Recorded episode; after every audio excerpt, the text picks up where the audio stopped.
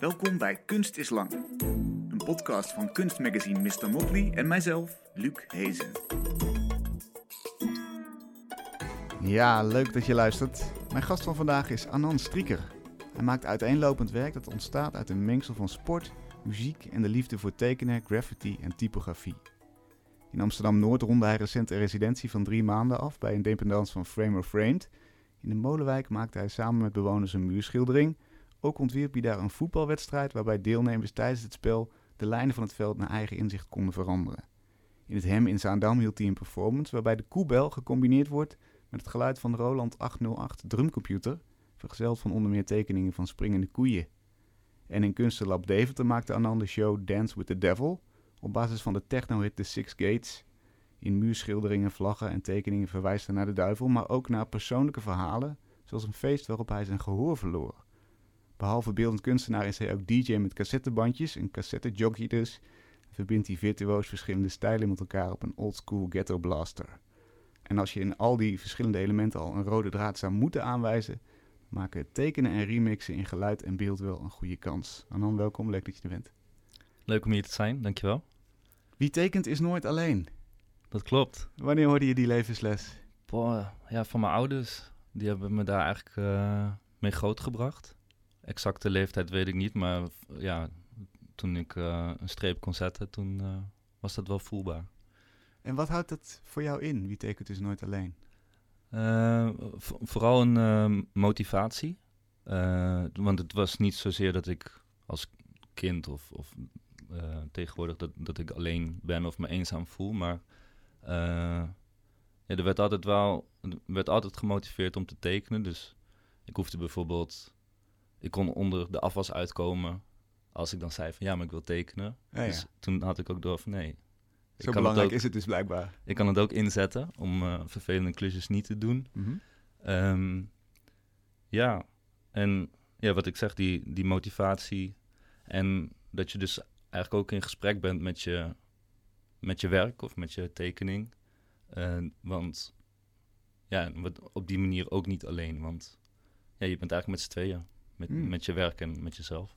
Zo voelt het. Je, je creëert iets. Je creëert een entiteit eigenlijk. Ja, en, en je bent zelf natuurlijk aan het uh, lijn aan het trekken om te kijken hoe, hoe kan ik die tekening sturen. Maar die tekening die stuurt jou ook als het goed is. Hoe merk je dat? Want dat, dat, hoor ik wel vaker mensen zeggen. En ik ben zelf niet zo'n. Uh, ik ben zelf geen kunstenaar. Maar hoe, wat voor informatie krijg je terug? Hoe weet je wat een tekening wil? Um, ja, uh, je moet niet te veel in trucjes werken, denk ik. Dus je bent de hele tijd aan het kijken of dus in gesprek van wat je terugkrijgt.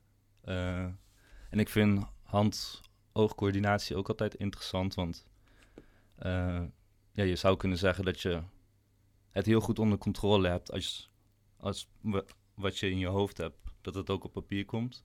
Maar ik vind het eigenlijk wel leuk dat mijn hand soms iets anders doet dan dat mijn hoofd wil. Uh, en dan kom je er eigenlijk bij uit van ja, dit is niet wat ik wil. Maar dan ga ik kijken naar van hé, hey, maar wat. Uh, deze lijn staat niet goed, maar hoe kan ik die. Uh, hoe, hoe, kan ik het beter maken? Ja, hoe kan je het toch zo verwerken dat hij een functie heeft in de tekening? Ja, en, en zonder hem weg te gummen. Want dat leerde ik vroeger ook al snel. We gaan niet gummen. Elke lijn die doet ertoe. Van, van wie leerde je dat? Mijn vader. Oké. Okay. Ja. Uh, Tekenaren zelf? Ja, zeker. En... Um, we gaan niet gummen. ja, dus... Mooi. Klinkt wel dwingend ook. was het zo dwingend? Nee, het was altijd heel uh, open en vrij. Oké. Okay. Uh, maar ja, dat je dus bijvoorbeeld gelaagdheid kan creëren. Dat je dan ja, niet gaat gummen, maar misschien iets een laag eroverheen zet, zodat die lijn weer op de achtergrond komt als je hem echt niet nodig hebt, zeg maar. Ja. En weet je wat hij tegen had op gummen? Waarom dat zijn advies was? Nou, om een soort van puurheid en directheid in je tekenen en dus ook die hand-oogcoördinatie te creëren. Ja. Want ik denk als je de hele tijd maar bezig bent met iets perfect neer te zetten, dan wordt het heel krampachtig. En dan krijg je ook veel twijfelachtigheid. En ik denk dat het lekker is om gewoon puur te gaan en dan ook je eigen lijnen te accepteren. Waar een heel mooi wereldbeeld achter zit. je zou kunnen zeggen, de, je accepteert wat er is in plaats van krampachtig alles inderdaad te proberen te veranderen of naar jouw vorm te gieten. Ja. Accepteer je wat er komt en daar werk je mee. Ja, en ook het eh, toeval dus omarmen, ook van je eigen onkunde of iets in die trant. Mhm. En ja, dat, eh, ja, dat lelijkheid ook iets moois kan hebben of zo, als iets mislukt. En eh, mensen nemen het vaak veel te serieus van, ik kan niet tekenen of oh, eh, het ziet er niet uit. En dan, ik vind het juist leuk als, er, als je jezelf verrast over hoe het er niet uitziet. En dan, moeten, ja, dan moet je vaak lachen met elkaar. Of je nou wel een tekenaar bent of niet, Ja. En dat is belangrijker dan dat, er, dat die lijn er perfect in staat.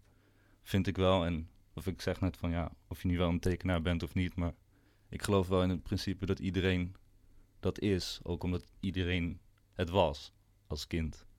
Iedereen heeft getekend. En het is ook oké dat, dat, dat, dat, eh, dat mensen dat een beetje loslaten. Maar eh, zoals je in de introductie zei, eh, die residentie bij en Vreemd. Daar heb ik ook veel met mensen uit de buurt gewerkt. En dan kom je erachter hoe leuk en hoe tof het eigenlijk is om dus aan de slag te gaan met elkaar. Ehm, en dat mensen dan ook zeggen van, oh, ik heb dit heel lang niet gedaan, maar het voelt, fijn en ik ga het weer oppakken. En de jongere generatie die gaat gewoon los. Je, dat was hier in Amsterdam-Noord, of ik zeg hier, maar het is aan de overkant van het ei. We zitten nog net aan de centrumkant. Je hebt daar een muurschildering gemaakt, onder andere met een K-pop band. Die, die is daar verschenen. Je bent op het spoor gezet door ja, jonge, jonge meisjes uit de buurt. Hoe ging dat? Ja, ik, eh, eh, dat was eigenlijk de, de eerste dag dat ik de ruimte helemaal voor mezelf had. Ehm, en ik ben ja, best een bevlogen raamtekenaar. Eh, dus ik dacht, ik ga een, boodschap op het raam zetten met kom een raamtekening maken. Eh, en die vier meiden die kwamen diezelfde dag nog naar binnen. En toen heb ik ze op dag één, eh, had ik ze stiften aangereikt om op het raam los te gaan. En toen zag ik al de kleur zwart en de kleur roze. Want Blackpink is dus een K-pop band. Oké, en K-pop nog even voor, voor iedereen. Wat is het voor genre? Koreaanse pop. En naar mijn zeggen echt een remix van vier, vijf genres door elkaar heen.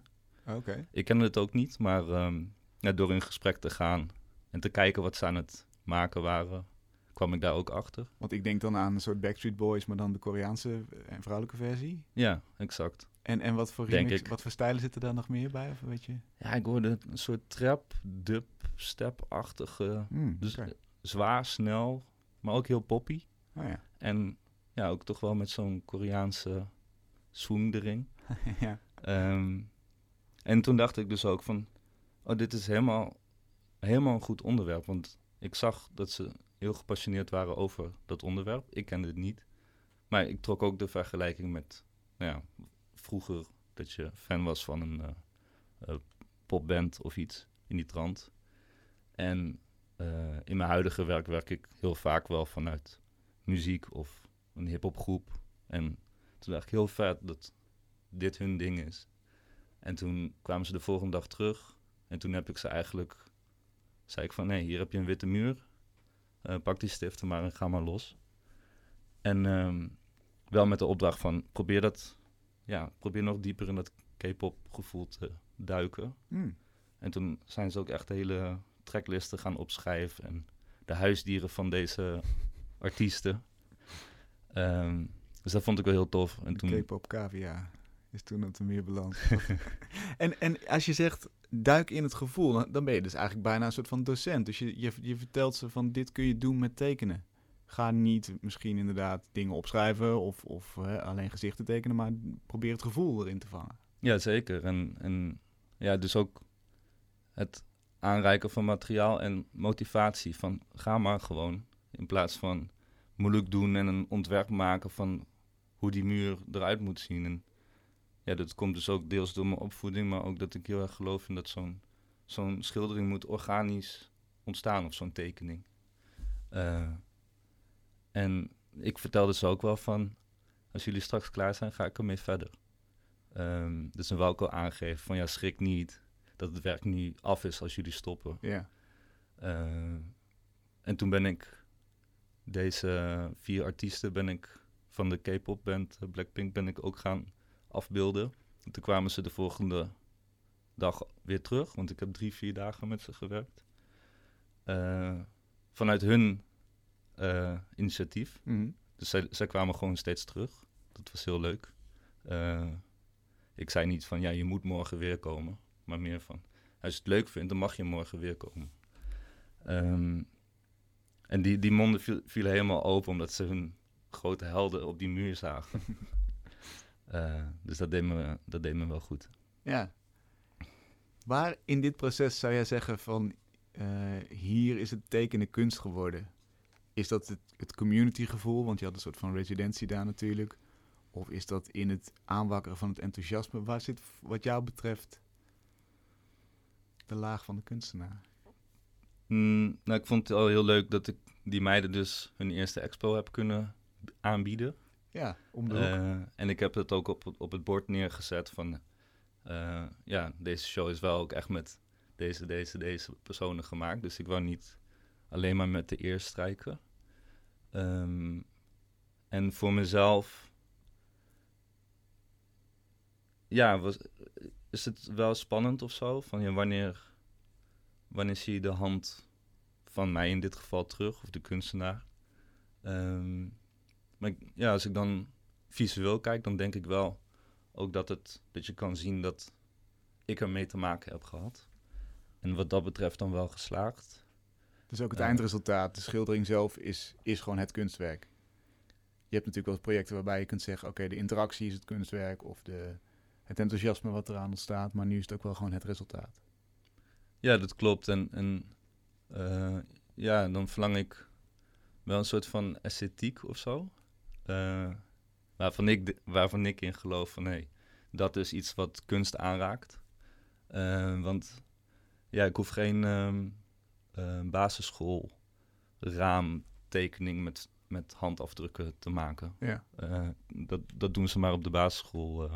en dat is een fantastisch mooie manier van, van werken voor kinderen. maar ja, ja, ik denk dat daar een beetje het verschil in zit tussen basisschool, creativiteit. En omschrijf die esthetiek eens. Hoe zag dat eruit? Wat zagen we? Eh, ja, ik denk fragmentarisch en eh, een druk lijnenspel en vlakkenspel. Ehm, ja, en, eh, ja ook, ook wel referenties naar straatcultuur of graffiti. Dus uitgebreid met, met rollers gewerkt. En ja, er wordt eigenlijk niet klassiek geschilderd dan. Dus ik zie het ook meer als een soort van tekening van verf, maar dan op de muur. Hmm. Ehm, en ook gewoon een snelle actie van... Ja, we zouden er ook twee weken aan kunnen werken met elkaar. Maar na, eh, na, ja, na vier dagen werken met elkaar was het ook goed. Ja. En inderdaad, wat zou er gebeuren als je dit... Je hebt heel je stijl van improvisatie, van snelheid, van, van fragmentarisch. Wat zou er gebeuren als je het helemaal zou plannen... en raster zou maken van tevoren... en dan op schaal het zou gaan invullen, zeg maar. Wat, waarom zou dat niet aan een strieker zijn? Eh, ja, ik denk dat je hem doodslaat dan. Dus dan kom je niet meer bij dat verrassende effect... wat ik graag terugzie in mijn eigen werk. Of eigenlijk ook bij anderen. Ehm, maar ik probeer mezelf ook wel uit te dagen om bepaalde delen echt eh, in detail uit te werken. Dus het is niet alleen maar snel en grof. Ik probeer ook wel ja, gede- gedetailleerd te werken en ook echt wel te gaan poetsen en eh, schilderen. Ja, dus ook om, om op bepaalde plekken meer intensiteit te krijgen... Ja. zodat het een interessanter werk wordt dan alleen maar fab. snel. En dat komt eigenlijk erbij weg dat ik heel erg van een onaffe schilderstijl hou. Eh, ja, dat, dat hebben de, de, de grote helden in de geschiedenis ook wel zo eh, neergezet. Of in ieder geval, dat inspireerde mij altijd. Dus daar trek je je dan wel aan op. Noem eens een paar. Eh, ja, René Daniels, eh, groot Nederlands eh, schilder. Mhm. Ja, dat vond ik heel vet. Basquiat was zelfs voordat ik naar de academie ging al wel een belangrijk icoon voor mij. Tot ik erachter kwam dat, of nou niet totdat, maar ehm, ja, heel veel. Hij heeft heel veel betekend voor heel veel mensen. En dat is hem oké. En niet de reden om voor mij dan afstand te nemen. Maar eh, ja, om, ik heb natuurlijk eindeloos ook wel eh, artiesten gekopieerd. Om te leren, Mhm. inspiratie te krijgen. En daarna moet je ook je eigen weg zoeken. En dan ook weer die helden loslaten. Ja. Eh, dus vandaar dat ik het een beetje voorzichtig breng. ja, snap ik. Maar het is natuurlijk waar, hij is een beetje de, de Van Gogh onder de, de graffiti-achtige schilderstijl. Ja, en dat vond ik als, als puber vond ik dat heel vet, omdat het met één been in de hip-hop en ja, de, de, de straatkunst eh, zat, maar dat het dus wel echt autonoom eh, was. En eh, heel bijzonder verhaal ook. Een van de, of de enige expositie die ik heb gezien waar ik moest huilen toen ik daar rondliep. En zo, op die manier heeft kunst mij nog tot dusver niet geraakt. En weet je waarom eigenlijk? Ja, door dat verhaal. En ja, ook omdat ik natuurlijk zo fan was als puber. Eh, En is het inderdaad vooral het verhaal erachter? Want hij is eh, eh, aan de drugs geraakt, geloof ik, hè? Jong overleden. ja. Is, is, het, is het dan dat, dat je denkt, deze man was eigenlijk geniaal in wat hij kon... en toch is hij jong gestorven? ja, en ook, ook de eerste zwarte schilder die het gemaakt heeft. Hm. als ik het wel heb. Ehm, en dus ook verpest werd, ook door die kunstwereld. En ja, je zegt ook die drugs, maar eh, ik vond, vond de uitspraak heel mooi van ja, als ze dan zeggen dat eh, als ik stop met drugs, dan zeggen ze van ja, je kunst is dood. Eh, dus ja, zo werd die ook gemanipuleerd en gebruikt, geloof ik. Ja. En die, die hele belading, ja, die, die maakt me dan wel, dat raakt me dan zo. Maar wat het vooral was, was volgens mij in Basel dat ik zijn solo show zag. Of een, nou, niet een solo show, een, overzichtsexpo. En dat hele verhaal, dat voelde ik. En die energie van die schilderingen die je dus zag. En ja, dat probeer ik eigenlijk ook in mijn eigen werk. Eh, of als ik dus andere, met anderen werk. Dat die energie dus hoog is. En dat je echt, ja, dat, dat, het dat de schildering ook op je afkomt. En dat die groter is dan jezelf.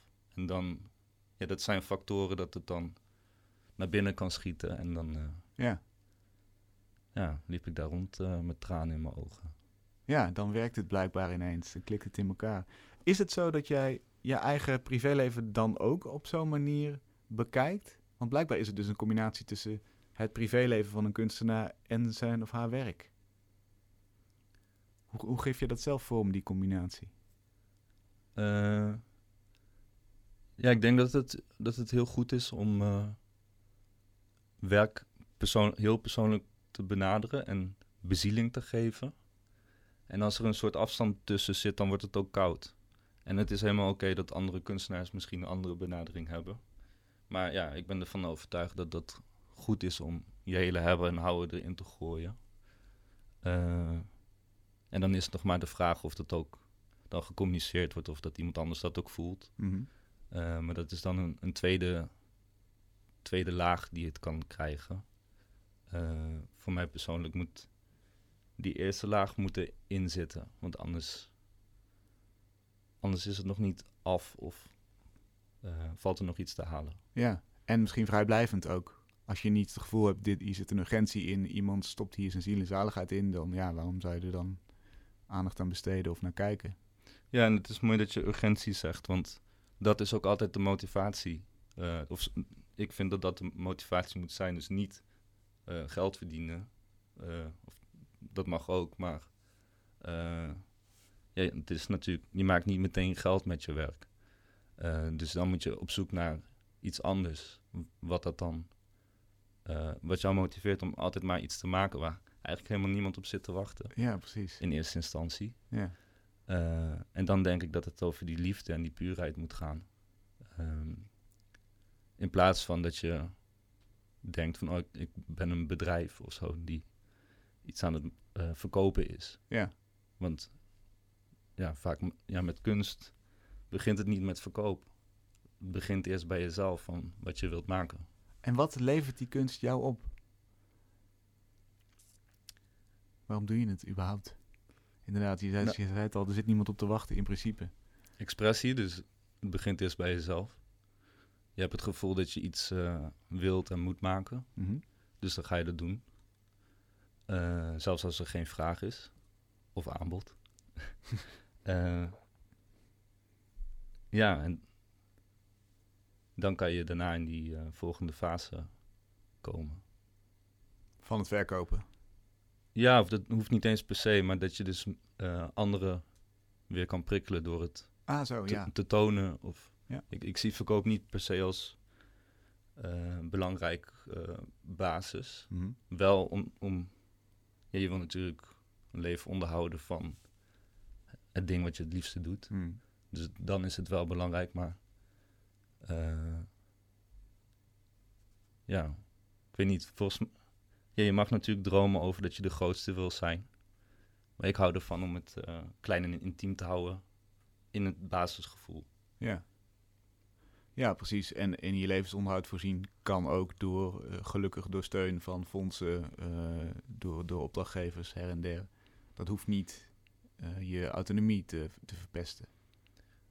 Nee, dat, dat klopt. Maar dan, het hangt ook er weer vanaf van hoe je zelf in je schoenen staat. Ja. Want ik vind in principe dat een academie al, een kunstacademie al best wel veel invloed eh, geeft op de ontwikkeling van kunstenaars. Mhm. Of ja. En ik zie ook wel dat mensen ook wel een beetje verpest worden door eh, aansturing of eh, opdrachtgevers of dus instituten. Ehm, Op wat voor manier? Geef eens een voorbeeld. nou, Zonder namen te noemen misschien, maar... Ja, dan als ik dan. Of ja, ik wil niet belerend zijn of zo, maar. Dan zag ik mensen in de eerste binnenkomen en dacht ik echt van: oh, jullie zijn best wel tof. eh, toffe tekenaars of zo. En dan wordt dat er helemaal door uitgetrapt. En dan, einde van de rit, is er dan niks meer van over. En ja, wordt er een soort van ehm, type kunstenaar afgeleverd. Dus wordt heel erg dan een stempel gedrukt. Terwijl ik dan denk van ja, Wat, wat voor stempel is dat? Ja, ja, een beetje conceptueel. Ja. Eh, en dat, is, dat mag natuurlijk ook bestaan. Eh, en anderen zullen weer zeggen van ja, dat, dat tekenen, dat eh, is passé of zo. Ja. Dus, dus je bent eigenlijk voor je eigen werk niet zoveel met concepten bezig. Het gaat echt om wat er ontstaat terwijl je die lijnen aan het zetten bent. Mm, ik denk dat ik ook wel conceptueel ben en ik doe ook wel mijn research, maar dat begint wel met tekenen en met eh, het maken dus. Door te doen, doe ik eigenlijk mijn onderzoek. Ja. Ehm, ja, en, of- ja, het is ook goed dat, het, dat er allemaal verschillende soorten zijn en voor ieder wat wils is. Eh, dus dat vind ik ook wel weer de kracht daarvan. Eh, en het zou, zou ook maar saai zijn als iedereen hetzelfde doet. Ja. We hadden het net over die vermenging met het privéleven. In Kunstenlab in Deventer maakte hij een grote tentoonstelling Dance with the Devil. Een beetje duistere show. Er zagen PVC-sculpturen, er hingen vlaggen. Er was een dichtbundel die je mede hebt vormgegeven en waarmee je met anderen hebt samengewerkt. Een poort van fietsenrekken. Maar je liet ook een hele grote muurschildering zien. Gebaseerd op avonturen uit je eigen leven. Er was een, een feest waar je je gehoor verloor. Wat gebeurde daar? Ja, dat klinkt een beetje alsof ik doof ben, maar dat, dat was... Dat valt wel mee, zo te horen. Die nacht eh, hoorde ik, kon ik niks meer horen, maar ja, dat eh, verbetert, godzijdank. Of ik was niet helemaal kwijt. Eh, maar wel iets nieuws. En eh, ja, kwam ik erachter hoe belangrijk gehoor eigenlijk is. En ook dat je... eh, ja, dat je zo'n ruis die ik in mijn oren heb, dat je die dus niet meer kwijt... die, ja, die krijg je niet meer uit je, uit je hoofd. Tenzij je het met je hersenen soort van accepteert en dan kan die op de achtergrond komen. Hmm. Want wat heb jij nu? Eh, ja, eh, ik zeg altijd dat ik een beetje een soort cassettebandjes ruis heb. Mhm. Dus dat is wel weer leuk, omdat ik van cassettebandjes hou. Kijk, dat is mooi, mooi gespind. ja. Maar ik, ik zit dus nu ook al in die acceptatie van... Ja, dat ik, dat ik daar dan eh, ja, die ruis heb opgelopen. Op één feest. Ja, en dat gaat altijd gepaard met stress en vermoeidheid. Het, het- ja, of het kan ook alleen door geluid, maar Wat was dat voor krankzinnig feest dan? ja, hardcore eh, feest. Ah ja. Eh, dus dan En dan wordt er, wordt er hard gedraaid, veel BPM eh, en langere uren, of veel uren in de nacht. Maar ik, ik weet ook nog dat ik vermoeid en gestrest was voordat ik daarheen ging. Hmm. Ehm, en dan ben je eigenlijk te laat om door te hebben van... hé, hey, eh, ik, ik hoorde mijn oren wel klapperen of zo, maar ik kon niet helemaal plaatsen. En je denkt gewoon van, oh, die, die suis, die trekt na twee dagen wel weg. Ja. Maar hij bleef dus hangen. En ik vond het echt heel pittig om mee te maken. Ja. Ehm, maar ik ben heel blij hoe het nu is. Eh, en ja, ik zou iedereen aanraden van draag oordoppen. Want ja, als ik dat in had gehad, dan was het niet gebeurd. Ja. Ehm, maar ik heb echt twee jaar geen eh, koptelefoon op kunnen hebben, bewijs van. Oh, omdat shit. ik gewoon, eh, ja, omdat het te dichtbij was. Ja. Eh, en ik kan nu weer naar feesten of draaien, maar dan wel met protectie. En, Ja. En dit gevoel van li- lijkt mij totale paniek als je daar van zo'n feest afkomt van ik hoor niks meer of ik heb een hele grote suis. Dat is dan in die muurschildering terechtgekomen. Hoe, hoe werkt die vertaling? Eh, ja, ik ben eigenlijk die, die nacht gaan tekenen. Eh, In Deventer toen bedoel je? ja, of, of eh, diezelfde nacht al, nee, na het ehm, feest. voor die muurschildering ben ik teruggegaan in mijn, in mijn herinnering. En ja, heb ik misschien eigenlijk dat feest afgebeeld of, of momenten daarvan. En volgens mij zit, zit er ook best wel wat oren in die eh, schildering verwerkt. Ehm, dus misschien was dat ook wel een manier van verwerken of het een plaats geven. Ehm, en daardoor ook heel interessant dat je dus... Er is geen medicijn voor, maar je kan dus door eh, ja, weinig stress te ervaren of het een eh, plek te geven, kan je dus met je, met je hersenen uitschakelen. En ik kwam er ook achter dat ik door allemaal, allerlei tests te doen, dat ik helemaal nog geen zware beschadiging heb gehad. En dat mijn gehoor eigenlijk nog steeds goed is. Ehm, dus dan, was het echt, dan is het echt iets psychisch, zeg maar. En ja, daar kan je dan aan werken. Ehm, ja, en dan zo'n schildering is een mooie uitlaatklep. En ik heb hem ook in één avond eh, geschilderd. En toen heb ik na de opening heb ik nog wel een tweede fase gedaan en eh, kleur aangebracht. En zelfs nog een potje keilen, of eh, steentjes keilen met de curator. Wat, wat bedoel je? Eh, ja, ik had, in, in die tweede fase heb ik rood aangebracht. Op die schildering heb ik de titel weggeschilderd. En daar heb ik toen vijf lijsten of zes lijsten opgehangen. En toen gingen we van een afstandje een wedstrijdje doen wie dan de lijsten kapot kon gooien. Oh, oké. Ehm, dus ja, ik had steeds allemaal leuke acties bedacht. eh, hoe die show dan kon ontwikkelen. Of eh, dat er bij elke poort dus weer iets gebeurde. Ja. Ja, want dat, dat is een ander belangrijk element natuurlijk wat door jouw werk zit, dat het remix het idee van verschillende elementen, verschillende stijlen. In dit geval dus een tentoonstelling die gebaseerd is op eh, Dance with the Devil, dat, de, die, die soort van, eh, is het een Zero's techno-hit of, of eh, wat, wa- wa- waar hebben we het over? Of is het 90s nog? 2000 geloof ik. 2000 hè? Ja. Ja. Het is inderdaad Zero's, dus the, the gates are open. Het is een heel duister nummer. ja. Zes, zes poorten van de, van de hel, geloof ik. Hè? Nou, die heb je als thema genomen. Maar wat ik zei, er zit een BVC-sculptuur in. Er hangen vlaggen. Er is een fietsenrek omgebouwd tot poort. Dus al die verschillende elementen en stijlen, die, die worden samengevoegd. Wat is de waarde van die remix voor jou? Ehm, ja, ik heb hem sowieso ook, eh, dan, dan trek ik hem toch ook persoonlijk. Eh, dus ik ben de, de inhoud van die eh, zes poorten van de hel, die ben ik eigenlijk gaan herschrijven. En daar heb ik eigenlijk een soort levenslessen aan gekoppeld. Dus dan maak ik alweer die vertaling van een, een techno-nummer over de hel heb ik eh, dan alweer omgegooid naar persoonlijke dingen. eh, ja, en een veel, veel opgewektere kijk naar het leven. Maar ik vond het dus ook heel interessant om eventjes diep in die duisterheid eh, te stappen. En dan vanuit daar weer werken te maken. Wat het dus ook wel.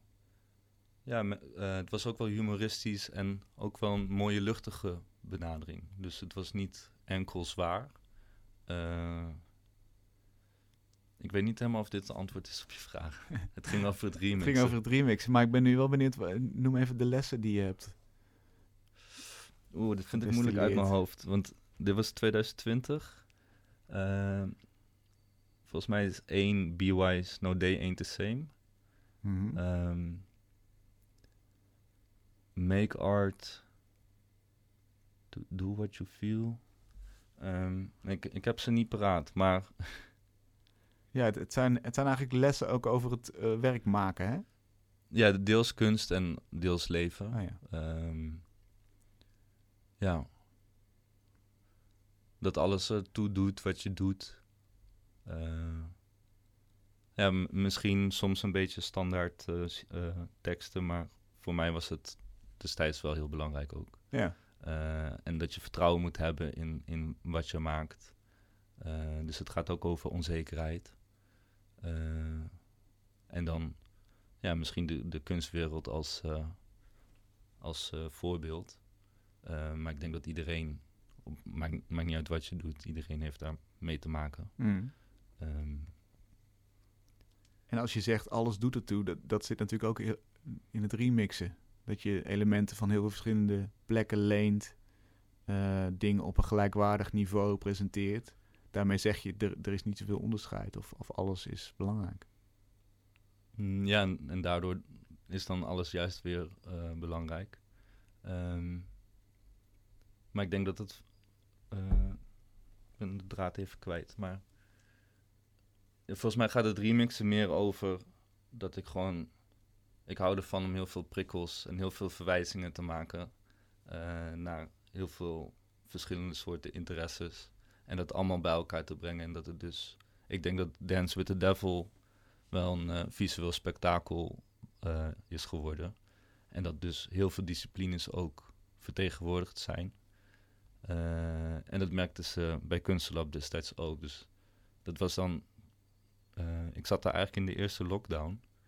Dus ik heb daar op het eh, auditoriumpodium heb ik gelogeerd op een luchtbedje. Dan kon ik bij de curator eh, logeren. En toen zeiden ze van, hé, hey, we vinden dat je zo lekker bezig bent. En eigenlijk eh, ja, de, de huidige shows zijn allemaal gecanceld. Of de hu- huidige artiesten, omdat mensen niet meer konden komen. Mhm. En toen zeiden ze tegen mij van, ja, we vinden je energie fijn. Dus als je wil, mag je ook de andere ruimtes pakken. En toen ja, heb ik eigenlijk een soort kunstenlab takeover gedaan. En in elke ruimte iets bedacht. Eh, waaronder ook een tekenwedstrijd, dat mensen mij tekeningen konden sturen. Eh, en dan heb ik eigenlijk gewoon zoveel ideeën. En dan is het heel lekker om dat allemaal uit te, voelen, uit te voeren. Eh, en dan voelt het echt als een remix, denk ik. Ja. Ook op YouTube te bekijken via Kunstlab Deventer doe je een soort van rondleiding. Dat is wel leuk. De show is er natuurlijk nu niet meer, maar dan kun je hem nog een beetje meemaken. Ja, Eh, daar zie je inderdaad dat het één grote takeover is geweest. Een andere remix staat hier voor je. Een koebel met een, eh, met een inscriptie erop. ja Eh, klopt. Dit was een project in het hem waar je, ja, hoe, hoe zeg je het zelf, de drumcomputer met, met de, koebel hebt gemixt? Ja, ik kwam erachter dat ik het geluid van de koebel in de drumcomputer, dat ik dat iets magisch vind. En ja, die komt ook veelzijdig terug in heel veel genres van muziek. Ehm, en toen kwam ik achter een muziekstroming vanuit de Memphis rap. Die heet Funk, met PH. En dat is eigenlijk gewoon alleen maar distorted cowbells en daarbij drums en eh, eh, raps. Ehm, en de, ja, daar werd, werd ik heel erg door gepakt. En toen heb ik eigenlijk een, een eh, installatie bedacht en een performance, wat ja, getiteld How to Play a Cowbell. Ehm, en ja, ik vind de, de klassieke cowbell, zeg maar, voor, voor- ja, voor om de koeienhals Mhm. of voor in het drumstel vind ik een heel mooi object. Eh, ja, en vanuit daaruit ben ik gaan spelen en een drummer uitgenodigd, eh, Mick Johan. En hij ging eh, op de openingsavond ging die met mij een performance doen, ging hij drummen en ik met mijn tapes scratchen en samples laten horen. Ehm, had ik eigenlijk dus een soort drumstel gebouwd met allerlei koebellen. ehm, met dus eh, tekeningen erin gegraveerd. Eh, en een heel groot spandoek achter de drummer. Want ik vind dat altijd heel gaaf bij bands. Dat ze dan een eigen geschilderd doek hebben. Ja. Eh, tegenwoordig is veel tv-screens en podium designs. Maar de meer underground bandjes die, ja, die doen het in eerste instantie eerst zelf. En eh, ja, daar heb ik meegespeeld. Dus een, had ik eigenlijk een, de, de, de apparatuur die stond zeg maar voor en daarachter dan de, de, de backdrop, de, de schildering. En hoe zou je zo'n performance dan samenvatten? Is dat een, een ode aan die koebel? Of is dat gewoon jouw kijk op twee fascinerende werelden die ergens op een gekke manier bij elkaar komen? Wil je ons daarmee kennis laten maken? Wat, hoe, zou je het samenvatten? Ja, ik denk dat alle, allemaal. Dus het- Alles. Het is, een, het is een ode aan die koebel, maar het is ook eh, dus het overbrengen op in, een, in weer een remix en een ander jasje. En ja, toch ook wel echt dan een eh, kunstperformance of een alternatieve eh, luister, luisterverhaal, fragment of zo. Want het, is niet echt per se, je hoort wel muziek, maar ehm, het is ook obscuur. En het was ook weer een experiment, want dit was de eerste keer dat ik met een drummer aan het samenwerken was. En hij begreep het gelukkig heel goed van nou ja, dat het raar en vreemd mocht worden. En daar wou ik ook juist mee spelen, want het was niet mijn bedoeling om Memphis rap te maken of eh, ja, dat het heel clean en perfect zou zijn.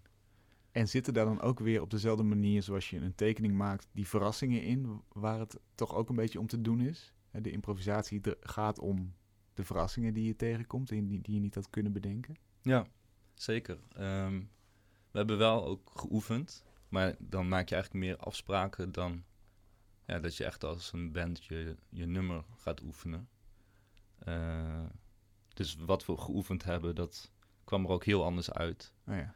Eh, en we hebben later ook nog een performance gedaan eh, bij Galerie Fleur en Wouter. Ehm, en daar zag je bijvoorbeeld dat. eh, dat was dan een beetje hetzelfde concept. Hadden we de cowbells wel een beetje losgelaten, maar wel drummen en tape scratches. En toen raakten we een soort van niveau wat, waar, waar iedereen en wij zelf ook door verrast waren. Eh, dus ik denk dat dat. ehm, ja, het kan heel mooi uitpakken als je dus niet te, als je het niet doodslaat met eh, alleen maar afspraken. ja. En wat was dat voor niveau? Omschrijf het eens. Nou, dat je, dat je merkt dat je elkaar aanvoelt en op elkaar inspeelt. En dat, je, dat iedereen zoiets had van, oh, hoe heb je dit kunnen timen? En er zit dan een stukje geluk bij, maar ook dat je elkaar aankijkt en dat je weet wat je moet doen. Eh, en dat het dus voor de, de toeschouwer ehm, ja, bijna ja, alsof, alsof het zo eh, hoort of Ja. alsof het zo is afgesproken voelt. En dat, dat klinkt een beetje alsof er een soort van flow in zit, met een lelijk woord. Zeg maar de, het idee dat je, dat je dingen loslaat en dat er een soort intuïtie ontstaat die eh, dingen mogelijk maakt. Ja, en dat is heel, heel gaaf om ook te voelen. eh, dat je dan ja, eigenlijk ook een beetje boven jezelf uitstijgt. Ehm, maar ja, er zit ook een kans van mislukking in natuurlijk. Eh, en het zakt volgens mij nooit echt door een ondergrens door. Ehm, maar de, de performance bij het hem, eh, die bij dat werk hoorde, die, die ging wel goed. Maar er ging ook wel, wel veel mis. Maar dan ja, eigenlijk weten ik en Mick dat alleen. Hmm. De, de toeschouwer neemt het zoals het komt. En dat is denk ik een hele mooie vrijheid die je bij performance hebt. Dus je kan heel erg spelen met langdurigheid van iets. Of, of ja, hoe lang, hoe lang kan je de toeschouwer boeien? En dan vervolgens is het ook interessant van hoe kan je ze eh, laten vervelen? Want vaak bij performance blijven mensen toch wel kijken. Ehm, dus daar kan je dan mee spelen, denk Mhm. ik. Mhm. Welke richting wil jij je nog op ontwikkelen? Hoe, hoe, hoe werkt dat in jouw geval? Ik zou bijna zeggen op, improvisatie misschien wel. Kijken wat er komt.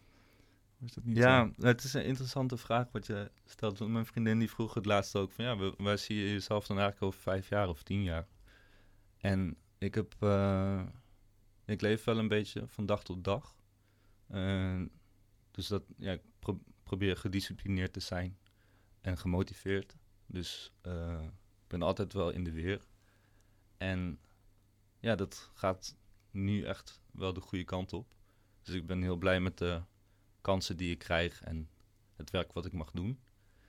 Ehm, en ja, ik heb altijd als doelstelling gehad om mijn leven te kunnen onderhouden. eh, met ja, het ding wat ik het liefste doe. Of de dingen die ik het liefste doe. Hmm. Eh, en dat gaat nu wel op een mooie, gezonde manier. Ehm, en ik heb mooie dingen in het verschiet. Dus ja, dat zijn allemaal een beetje korte termijn doelstellingen of, of, of eh, plannen. Wat helemaal in lijn is met wat je eerder vertelde. Ik bedoel, je hoeft niet te veel plannen, niet te veel... eh, ja, Ja, maar dan zou het toch ook wel interessant zijn om, om eens goed na te denken van ja, waar wil je, waar wil ik echt heen, zeg maar. hmm. Ehm, maar ik heb nooit heel erg als basisdrang gehad van oh, ik wil beroemd worden of zo. Nee, ik wil gewoon eh, een vrij leven kunnen leiden. En zijn er nog grote plekken waar je dan zou willen werken? Dus, dus vanuit de inhoud bekeken dingen die je zou, echt zou willen? Nou, ik, ik vind het leuk om te vertellen dat ik eh 1 september 2023 naar Curaçao mag, naar Instituto Buena Vista. Daar ben ik in 2012 geweest als stagiaire, uitwisseling, student. Ehm, en nu tien jaar later mag ik daar als resident heen. Eh, dus dat was wel, ja, je schrijft zo'n plan van ja, ik wil daarheen. Eh, en dat is nu de goede kant op gevallen. Ik heb het ook een paar jaar eerder ook geprobeerd. Dus dat, dan voel ik wel van, oh, ik wil weer graag terug naar dat eiland. Ehm, ja, dus dat, dat voelt dan ook wel trots. Dat dat dan, ja, zo tien jaar later, dat je daar dan voor het echte werk eh erheen kan. Ja. Ja, dus dat zijn dingen omdat je ze inhoudelijk interessant vindt, wil je ze dan wil je ze doen. En niet zozeer omdat het dan een grote naam is of omdat het een, een, je beroemdheid op zou leveren of zo. Je kijkt naar de inhoud. Ja, en, en ik ben denk ik wel gegroeid door ook de re- residentie bij Vreemd en Vreemd in het werken met ja, bewoners of, of groepen. En eh, ja, dat past eigenlijk ook heel goed bij IBB. Eh, want ja, dan heb je, werk je met locals en eh, studenten van het instituut aan mooie projecten. Ja, en bij Vreemd en Vreemd was dat idem dito en destijds in 2012 ook. En ik krijg er wel weer veel energie van terug ook. Ja, zoals je energie stopt in een, in een lijntekening en op onverwachte dingen stuit, krijg je dat in die situaties waarschijnlijk ook. Je, Ja, zoekt, je zoekt gewoon steeds het, het onbekende op. Kijken wat daar eh, voor moois uitkomt. dat is een mooie vergelijking. Succes, we hebben het helemaal niet over je cassettebandjes gehad. Waar, waar kunnen we die vinden? Eh, ja, op Echobox Radio heb ik een, eh, een eigen uur. Onge- ongeveer elke laatste donderdag van de maand van 6 tot 7. Het item heet Strictly Tapes. Dus ik, ja, er wordt alleen maar cassettebandjes afgespeeld. En voornamelijk door mijzelf, maar ik ben nu ook bezig om dus eh, gasten uit te nodigen met hun eigen verzameling cassettebandjes. En daar dus ook eh, vragen over te stellen. Eén grote remix. Wederom, Leuk dat je er was, dankjewel. jij bedankt. Tot zover Kunst is Lang van deze week. We zijn er natuurlijk volgende week weer. En we worden mede mogelijk gemaakt door het Prins Bernhard Cultuurfonds, het BNG Cultuurfonds en het KF Heinefonds. Waarvoor heel veel dank. Zoals gezegd, je hoort ons volgende week weer. Tot dan.